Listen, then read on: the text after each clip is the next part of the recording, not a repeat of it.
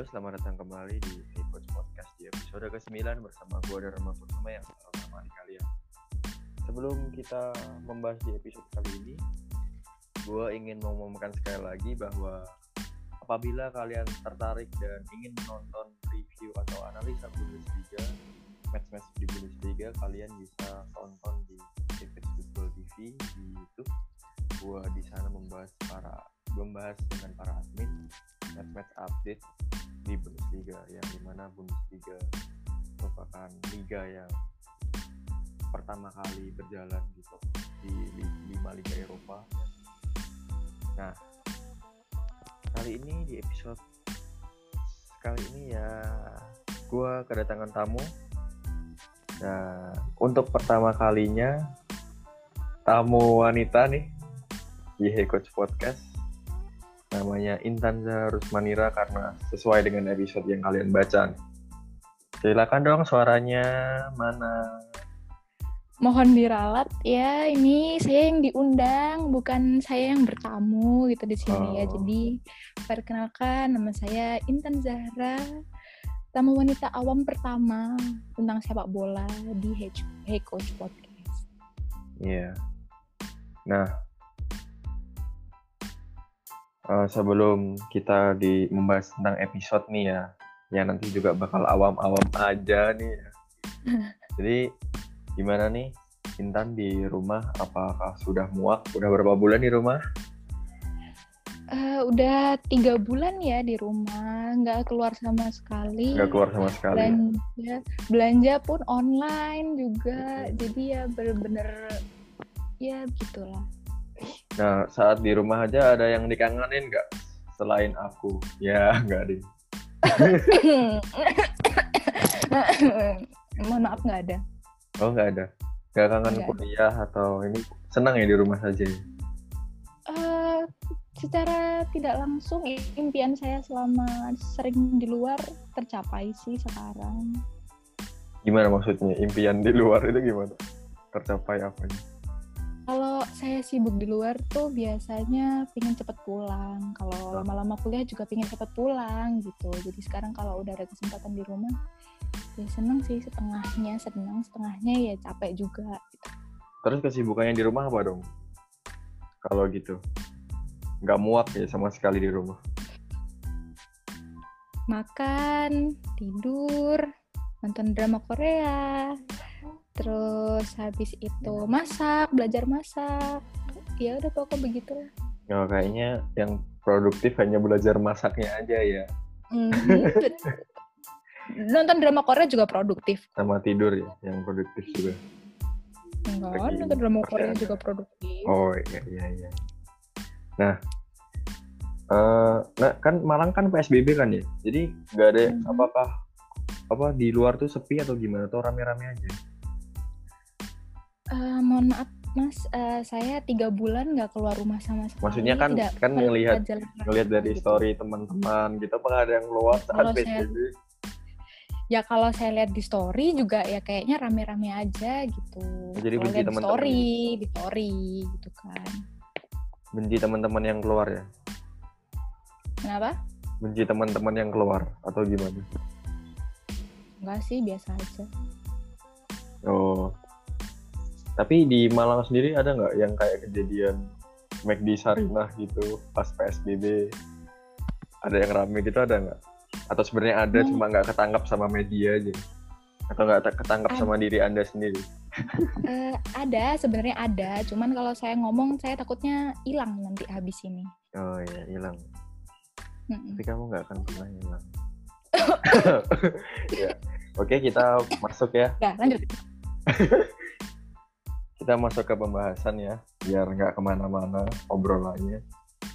Nah sebelum gue mau menanya-nanya nih gue ingin menjelaskan tentang sepak bola wanita sendiri. Sebenarnya di mata gue sendiri saat ini sepak bola itu bukan hanya milik kaum pria saja atau kaum kaum adam sebelum para feminisme dan SJW di internet menyerang saya ya. Jadi sepak bola itu juga milik wanita bukan dari sisi di sisi teknis sendiri ada sepak bola wanita ya kan bahkan digelar dalam kompetisi dunia. Ada Piala Dunia Wanita yang selalu digelar setelah empat tahun sekali ya kan. Dan juga permainannya pun seperti laki-laki gitu. Sangat skillful juga. Nah di sisi non teknis di negeri kita sendiri pun ada uh, mantan sekretaris jenderal PSSI wanita yaitu Ratu Tisa. Yang di pandangan gue Ratu Tisa ini sosok wanita yang ya memang secara public speaking dia bagus terus dia juga dalam menghadapi tekanan dari fans sepak bola Indonesia itu sangat bagus ya menghadapi tekanan yang mentalnya kuat. Padahal kita tahu fans sepak bola Indonesia ini sangat sentimen terhadap PSSI gitu gitu. apakah mengerti mengerti pak kalau kayak di zoom gini kayak saya yang ngajar ya ya ya mau gimana lagi nah, ya udah jadi pertanyaan pertama nih untuk Intan sendiri nih uh, sepak bola ini seperti apa sih olahraga yang apa di mata matamu ini? mm-hmm. Mm-hmm. Jadi kalau menurut saya nih ya, kalau menurut saya tuh sepak bola tuh olahraga. Kalau kebanyakan sih ke olahraga laki, tapi aku yeah. belakangan ini juga pernah lihat kan uh, sepak bola wanita terutama ada ada uh, pemain yang berjilbab waktu itu. Terus oh yang ini ya yang mulai merasa kayak yang dari Iran oh, waktu itu ya? iya. Iya terus? Terus uh, di situ mulai ngerasa kayak berarti sepak bola nih Eh, nggak uh, cuma buat cowok tapi buat cewek tuh juga bisa gitu kan. Di iya. sini kita juga bisa sebagai wanita emansipasi wanita gitu kan kesetaraan wanita dengan laki-laki gitu kan. Bahwa cewek tuh juga bisa gitu loh gitu. Jadi kayak keren Jangan gitu aja sih kalau lihat sepak bola wanita. Kan asik dong coba. Apa lagi? Gitu. Udah gitu sih menurutku keren aja sih. Kayak hmm. kayak wanita tuh punya kesempatan yang sama juga kayak cowok gitu. Dalam hal sepak bola ya. Iya memang wanita memiliki kesempatan yang sama juga sih. Nah tapi inget gak pernah nonton sepak bola atau gimana pertama kali tahu tentang sepak bola itu? Kapan di mana gitu inget nggak atau cuma pure kayak nonton di SMP atau SMA siapa gitu pernah main bola? Kenapa ketawa?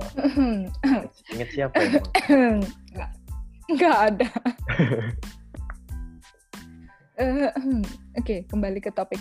Uh, jadi nonton bola tuh pernah waktu SD di TV karena kan oh, kakek om gitu kan masih nonton. Tapi ya waktu itu nggak merhatiin kayak siapa timnya? Paling cuman tahu tim ya cuman Liverpool Manchester cuman gitu-gitu doang ya yang oh, iya. yang terdengar aja gitu. Terus bola main main juga pernah gitu kan main oh, tapi main ya cuman main. Main pernah main di mana? Kok kok bisa main? Waktu kecil main atau waktu SMP kan ada kelas yeah. meeting. Uh. Nah, kelas meeting itu aku dipilih buat uh, wakilin kelas buat main ah nggak tahu tuh masuk futsal atau sepak bola aku nggak tahu pokok di situ aku main sepak bola pakai ada gawangnya juga gitu kan yeah, uh. tapi ya lucunya itu saya kalah karena penalti itu karena saya salah sendiri karena bola yang harusnya ditendang saya pukul pakai tangan di situ karena refleks Jadi, atau refleks ya refleks gitu ya refleks gitu aja gitu jadi hmm. pas bolanya melayang bukannya ditangkis pakai kaki tapi ditangkisnya pakai tangan gitu terus hmm. ya udah kira tidak pernah mendalami bidang itu lagi gitu. jadi sebenarnya juga ada pengalaman juga ya di sepak bola atau futsal iya. gitu. Ya waktu pertama kali nyoba iya. main di SMP itu uh, gimana rasanya? Apakah seru atau senang? Mana ya? Seru juga ya. Merasa bersalah juga lebih banyak rasa bersalahnya daripada serunya gitu. Oh, karena karena ya, kelas jadi kalah ya gara-gara kamu. Mm -mm, begitu. Sebenarnya main sepak bola tuh dari kecil, dari kecil waktu masih di Jakarta tuh main sepak bola sama anak-anak rumah di deket situ sama sama cowok-cowok juga main sepak bola kayak gitu tapi nggak pernah into kayak tahu pemainnya timnya atau apa pokoknya sama cuma buat have fun doang ya. Mm-mm. Oh, jadi kalau ya itu itu gitu. Tapi kalau aku boleh cerita sedikit dulu juga waktu SMP juga ada sih di eh, di SMP SMP ku sendiri eh, ada kompetisi gitu. Ya kelas meeting juga. Jadi eh, cewek-ceweknya main futsal gitu. Dan ada satu cewek itu tomboy, memang dia tomboy, pemain basket lah, terus. Nah terus digait ke sepak ke futsal. Tendangannya tuh kenceng banget.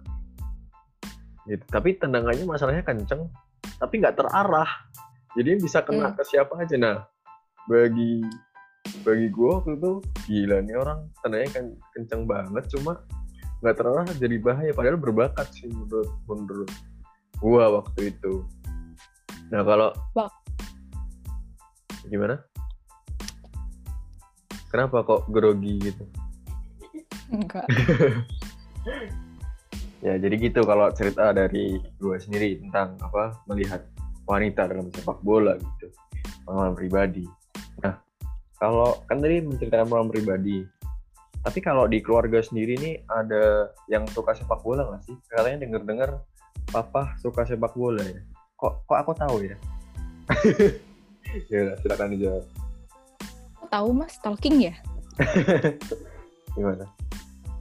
kalau di keluarga tuh sebenarnya Boleh bicara keluarga inti atau besar? Papa suka sepak bola. Papa tuh cinta sepak bola. Kalau koleksi namanya jersey itu kalau bisa beli satu toko satu toko baju jersey kayaknya dibeli semua gitu. Iya. papa tuh cinta.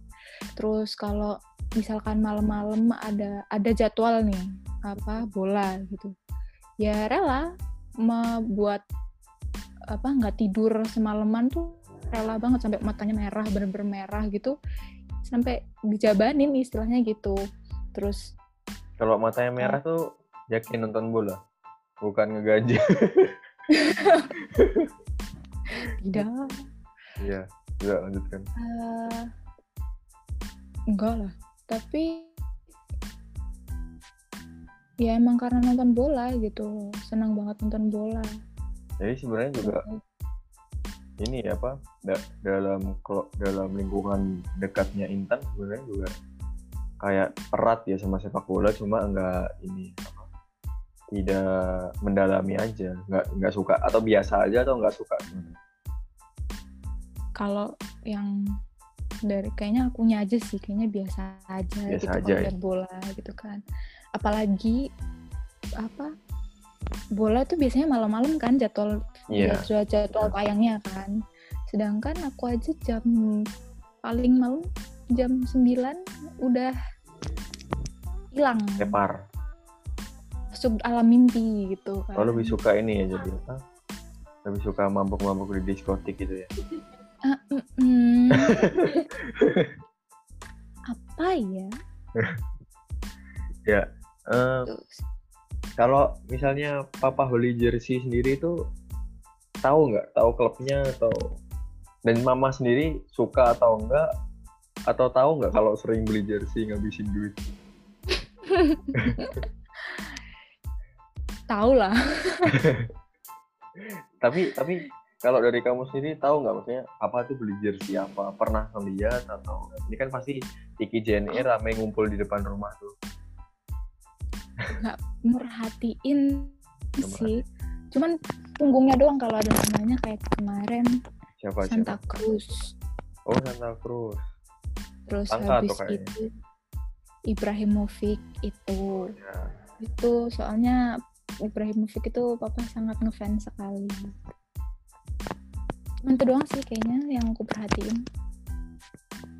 Oh kalau jadi sebenarnya juga papa sendiri juga gila bola ya, ya termasuk fans bola sejati. gitu. Nah nyambung ke pertanyaan itu, eh gue ingin masuk ke fans sepak bola dalam pandangannya Intan sendiri, entah cowok atau cewek. Kalau dari Intan sendiri nih, melihat fans bola cowok atau cewek mungkin pernah melihat di TV atau gimana itu seperti gimana? Ataukah barbar kah ini kata pertamanya atau gimana? Silakan. Fans yang kalau aku lihat supporter supporternya gitu sih. Uh, ya kalau kalau yang lokal kayak Arema sama Surabaya gitu kan ya sempet takut sih lihatnya karena selama ini kan terkenal dengan nggak pernah akurnya kan iya iya itu pandangan fansnya pertama dulu kayak gitu terus um, pernah aku pernah jadi supporter walaupun supporter sekolah ya tapi itu kayak oh tapi asik juga ya maksudnya kayak kita tuh jadi kreatif kayak bikin tulisan buat nyemangatin supporternya itu yang yang bikin kayak kertas-kertas itu terus kayak keren juga. Terus habis itu nonton pernah ada yang sampai bawa bawa gambar yang gede banget gitu kan. Iya iya terus dipajang tuh keren juga ya. So, apa uh, kompak mereka aku senangnya tuh lihatnya kalau kompak. Terus apa ya solidaritasnya tinggi juga gitu sih. Oh ya, jadi, tapi kalau dari ini sendiri juga kan Intan pernah tinggal di Malang dan juga di Surabaya. Sebenarnya kan kota yang berlawanan untuk fans sepak bola ya atau orang yang suka bola. Nah, kalau mema hmm. Intan memandang kayak fans Arema atau fans Persebaya itu seperti apa sih waktu itu? Fans gimana ya aku waktu itu atau liatnya. cuma atau ini apa cuma taunya kayak kalau misalkan kalau misalkan Arema main jalanan rame ditutup takut keluar atau pas Persebaya main juga jalanan rame takut keluar apa cuma tahu itunya doang coba. Ya kalau waktu itu sih di Malang. Mm-hmm. tuh sampai konvoy rame-rame gitu kan. Waktu itu SMP kalau nggak salah. SMP masih oh, iya. awal SMP tuh tuh konvoy rame-rame berapa hari berturut-turut ya. Waktu itu menang menang apa gitu loh kalau nggak salah. Hmm. konvoy bener-bener macet di mana-mana. Terus habis itu di Stadion Gajayana itu sampai ditutup kalau nggak salah penuh soalnya parkiran motor semua kan buat buat acara kayak gitu nah waktu kayak gitu tuh banyak apa ya banyak was-wasnya untuk plat nomor L gitu loh. Oh takut digebuk ya? oh iya. Karena waktu itu waktu itu mobil masih plat nomor L gitu kan. Jadi nggak berani itu keluar. Kan, nggak mm, berani bukan nggak berani keluar jadi kayak kita cari siasat gimana sih caranya biar nggak nggak nggak kena gitu loh biar nggak tak apa gimana ya biar nggak takut gitu loh akhirnya waktu itu beli beli ini boneka singa. Oh, boneka singa. Beli boneka singa dipasang di dashboard yang kelihatan kaca dari luar kalau ada singa. Kita keliling-keliling pakai singa itu. oh, jadi itu berpengaruh ya boneka singa di dashboard gitu ya. Iya boneka singa jadi biar kayak nggak ini ya semoga aja nggak ada yang dengerin di Arema ya aku takut soalnya Pas Arema mau nyerang plat L terus ngeliat boneka singa jadi lunak gitu. Hmm, siapa tahu kan siapa gitu tahu. ya. Kita kita cuman kita kalau misalkan alibinya gini, kita cuman pelatnya doang Pak L, kita sebenarnya cinta Rema Pak gitu. Iya. Nanti kalau tiba-tiba dites gimana? Gimana? Dites tiba-tiba dites sama fans Aremanya sendiri.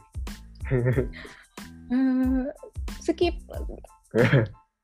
Sebenarnya kalau uh, gini ya itu juga terjadi di Jakarta sama Bandung juga sih. Nah, kita masuk ke situ ya kalau memandang rivalitas aku cerita sedikit ya kalau rivalitas bola Indonesia sama bola luar negeri itu menurut aku juga beda karena contohnya eh, Madrid kota Madrid dan Barcelona itu rivalitasnya terakar dari politik ekonomi sampai budaya gitu loh karena sejarahnya memang Barcelona selalu terutama Catalonia itu selalu ditindas oleh pemerintah Spanyol yang berpusat di Madrid. Nah itu akhirnya mengakar ke sepak bola, persaingannya mengakar ke Real Madrid dan Barcelona. Nah juga Manchester Liverpool itu juga dia persaingannya lebih ke ekonomi, yaitu di mana Manchester membangun jembatan yang akhirnya memutuskan perdagangan Liverpool dan Manchester. Yang di mana Manchester sama Liverpool itu persaingannya sama-sama kota pelabuhan gitu. Jadi secara ekonomi akhirnya mengakar ke sepak bola. Dan pada intinya kayak eh, masyarakat Manchester itu membenci orang Liverpool terus orang Liverpool membenci Manchester sehingga sebenarnya mereka nggak saling membutuhkan nah kalau aku lihat di Indonesia ini berbeda contohnya orang Malang kalau cari kerja atau mau nge-mall yang agak hits di Surabaya. Surabaya sendiri kalau liburan ke Malang. Dengan orang Madrid atau Barcelona nggak pernah tuh kayak gitu. Jakarta Bandung juga gitu. Kalau Bandung weekend macet dipenuhi sama plat B yang di mana orang Jakarta pada liburan ke Bandung. Orang Bandung kalau cari kerja juga di Jakarta gitu. Jadi kan itu sebenarnya kayak rivalitasnya karena apa gitu. Nah kalau Intan sendiri yang memandang itu gimana kan sering pindah-pindah dari Malang ke Surabaya ya nah itu ya itu memandangnya gimana ya menurutku sih nggak perlu lah kayak rival-rivalan yang sasadis kayak yang diberitain gitu loh. toh juga kita kan ya ampun satu Indonesia juga satu satu negara juga satu pulau lagi kan cuman satu pulau Terus- oh iya, iya. Hmm, terus kita juga masih saling membutuhkan juga kan gitu. Ya nggak usah lah rival-rivalan sampai yang kayak kemarin di berita sampai ada yang meninggal, sampai ada yang gimana-gimana, sampai ada yang luka gitu kan. Ya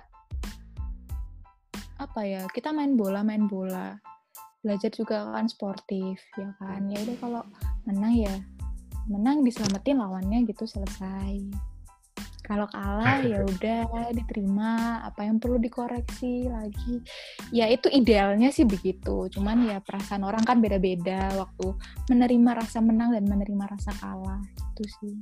Nah itu ya. Sebenarnya rivalitasnya Indonesia menurut gue cuma kayak apa ya dendam-dendaman gitu. Eh, ya.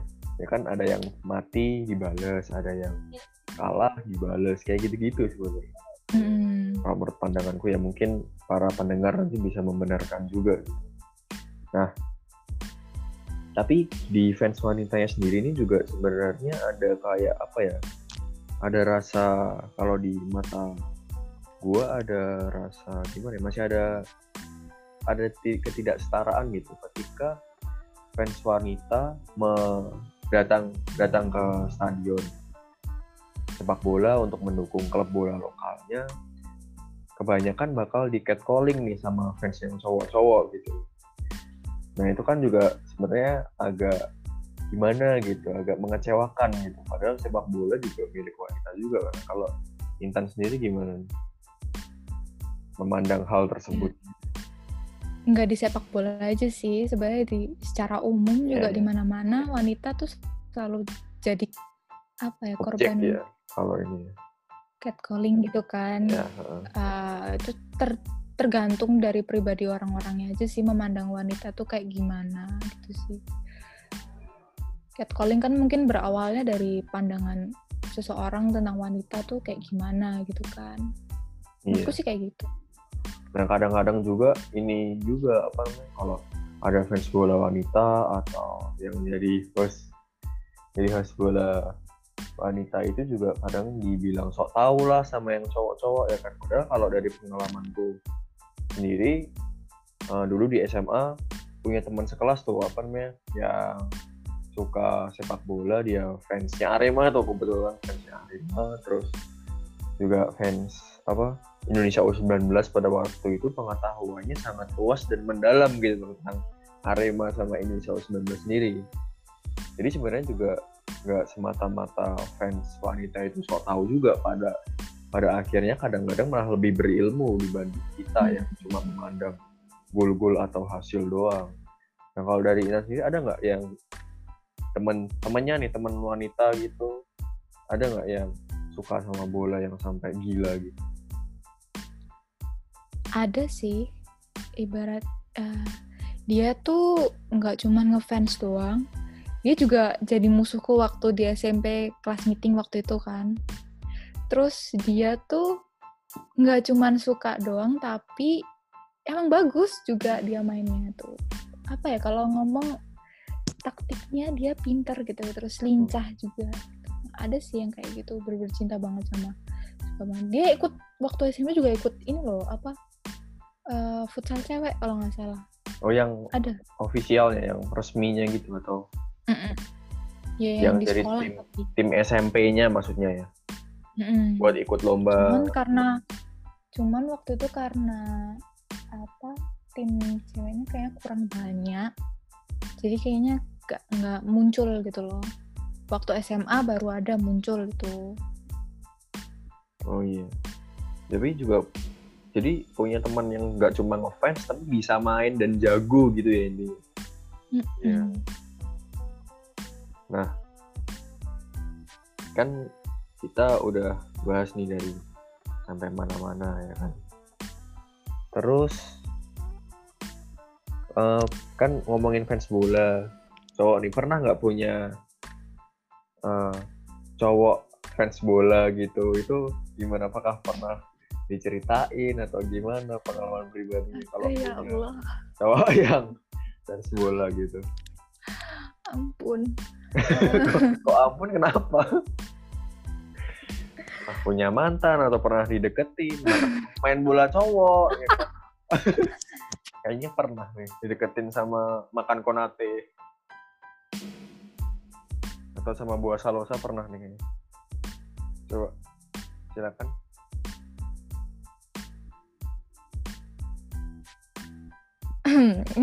Hmm. Cerita nggak ya? Ya Cerita. pasti ada lah. Cowok Iya. cowok mana sih yang nggak ada yang nggak ada yang nggak suka sama bola gitu kan? Ya kan? Ya jadi nggak perlu spesifik lah. Semua juga semua cowok juga suka bola gitu. Maksudnya kalau waktu itu kayak diceritain atau enggak atau gimana gitu. Apakah ada perbedaan eh, memacari cowok fans bola yang ngefans sama bola atau sama fans Mhm. olahraga lain gitu maksudnya. Aduh. Kenapa? Hmm, hmm, gimana ya? Ya gak ada bedanya gitu.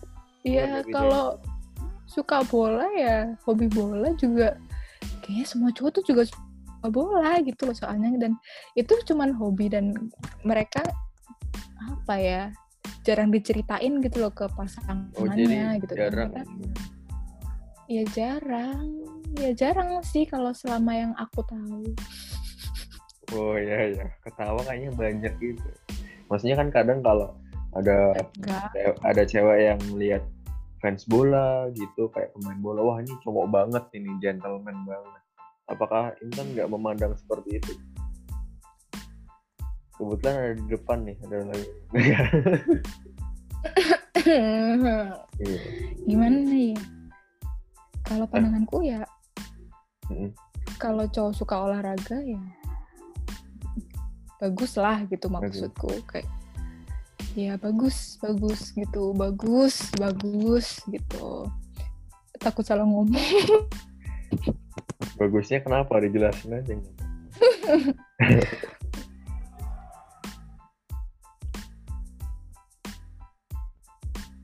ya bagus aja gitu kan kayak terbisu kayak gitu. Hmm gitu kan kayak kayak eh, ya keren gitu kan keren kan membawa membawa nama dia dan membawa nama timnya itu gitu. Oh itu kalau ngomong Gitu. pemain ya. tapi- eh, maksudnya gimana nih? Oh iya iya iya. Ya jadi kalau buat aku cowok main bola eh, main olahraga lah pada ini suka olahraga tuh ya keren lah good for you Oke, kalau dari em, masuk aja langsung yang ke tentang pemain bola, pemain bola cowok. Nah, kalau dari Intan sendiri, eh, siapa pesepak bola cowok yang paling ganteng yang pernah dilihat? Mungkin bisa disebutin, atau mungkin nggak tahu tentang pengetahuan sepak bola cowok. Eh, ini aja dulu deh, jangan yang ganteng dulu, yang Intan tahu siapa sepak bola tua sebutin lima aja Hmm, yang aku tahu nih. Hmm. Oh, jangan dong, jangan dong aku tahu. Hmm, yang pernah Hmm. ditonton yang pernah dilihat atau yang pernah ditahu lah ya Cristiano Ronaldo. ya Messi. itu pasti ya Cristiano Ronaldo Boleh campur nggak? Apa Campur. luar ya sama apa-apa campur lokal? aja Oh ya, ada Irfan Bahdim, hmm. terus Gonzales. Gonzales Gonzales ini Ma- Christian Gonzales maksudnya Iya itu. Terus kamu. Eh enggak ding. Maksudnya ada eh, eh, eh, siapa ya kemarin? Saya Siapa kemarin? Samsul Arif. Samsul Arif yang ku tahu. oh yang Samsul Arif sama Christian Gonzales itu denger-dengar pernah satu perumahan ya waktu di Malang Hmm. Hoax. hoax ya oh Hmm, hoax. kirain pernah beneran Cuman mitos kok itu teori konspirasi. jadi tahu karena tetanggaan sebenarnya kecuali yang Cristiano Ronaldo sama Messi tadi. Untuk- Kalau itu mah baru dia tahu. iya nah, kalau mas misalkan emang nggak tahu yang pesepak yang pesepak bola yang ganteng gitu nggak tahu apakah nggak tertarik sama wajahnya gitu. Padahal banyak loh yang ganteng. Kalau waktu SMA tuh SMA SMP ya pas ngetren ngetrennya Irfan Bahdim. Itu sih. Oh iya iya Pak Irfan Bahdim ya. Irfan Bahdim. Kan pas itu kan pernah di Arema kan ya? Arema Persema. Iya Persema kan di Malang juga. Tuh. Irfan Bahdim sekarang udah beristri sih mau gimana lagi? Ya, emang mau diapain? Nah, kan. Nah, Iya nggak mau dia masa kalau kayak David Beckham nggak tahu? David oh ya David Beckham. Mm-mm, itu juga tahu sih. Anak-anaknya ganteng soalnya. Iya. Kan Mm-mm. namanya? Biasanya cewek yang awam ya, yang aku tahu biasanya cuma taunya Ronaldo, Beckham, Irfan Bahdim termasuk terus yang oh yang berwajah good looking lah pasti kebanyakan kalau saya. Apalagi kalau misalnya Piala Dunia ikut-ikut nonton bola cuma ini doang apa nonton cuma lihat itu yang ganteng itu yang ganteng itu yang ganteng. Kalau Intan kamu nggak pernah seperti itu. Nomor ini tuh ganteng nomor ini tuh ganteng. Ya begitu memang Oh gitu memang kalau yang bagi yang awam ya.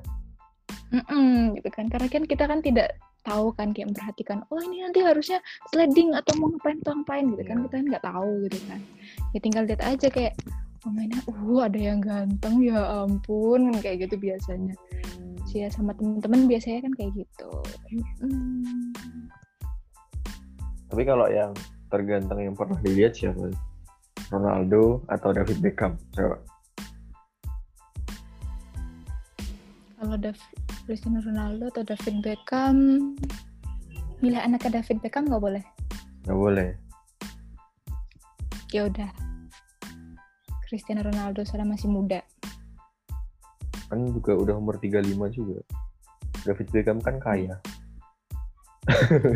Cristiano Ronaldo juga kaya punya pulau sendiri Ya David Beckham pasti juga punya. Kan pasti dia lebih lah. tapi lebih lebih ganteng Cristiano Ronaldo dan lebih muda Cristiano Ronaldo Oh. dan ya. Dan apa lagi? Ada tambahan? enggak sih nggak ada lagi Oke, kalau gitu kayaknya udah cukup ya. Apakah ada tambahan lagi untuk Intan? Ya Ada nggak ada pesan sih. atau kesan yang ingin mohon disampaikan? mohon eh, cuman mau bilang gini aja eh, ini pandangan saya sebagai wanita yang terlalu awam tentang sepak bola. Jadi mohon mohon maaf. Ya Apabila nggak tahu ya. kata mm-mm, atau bila ada hal yang tidak saya ketahui gitu. Nggak bakal ada yang hujat kok. Tenang aja. Apa mau promo ini juga?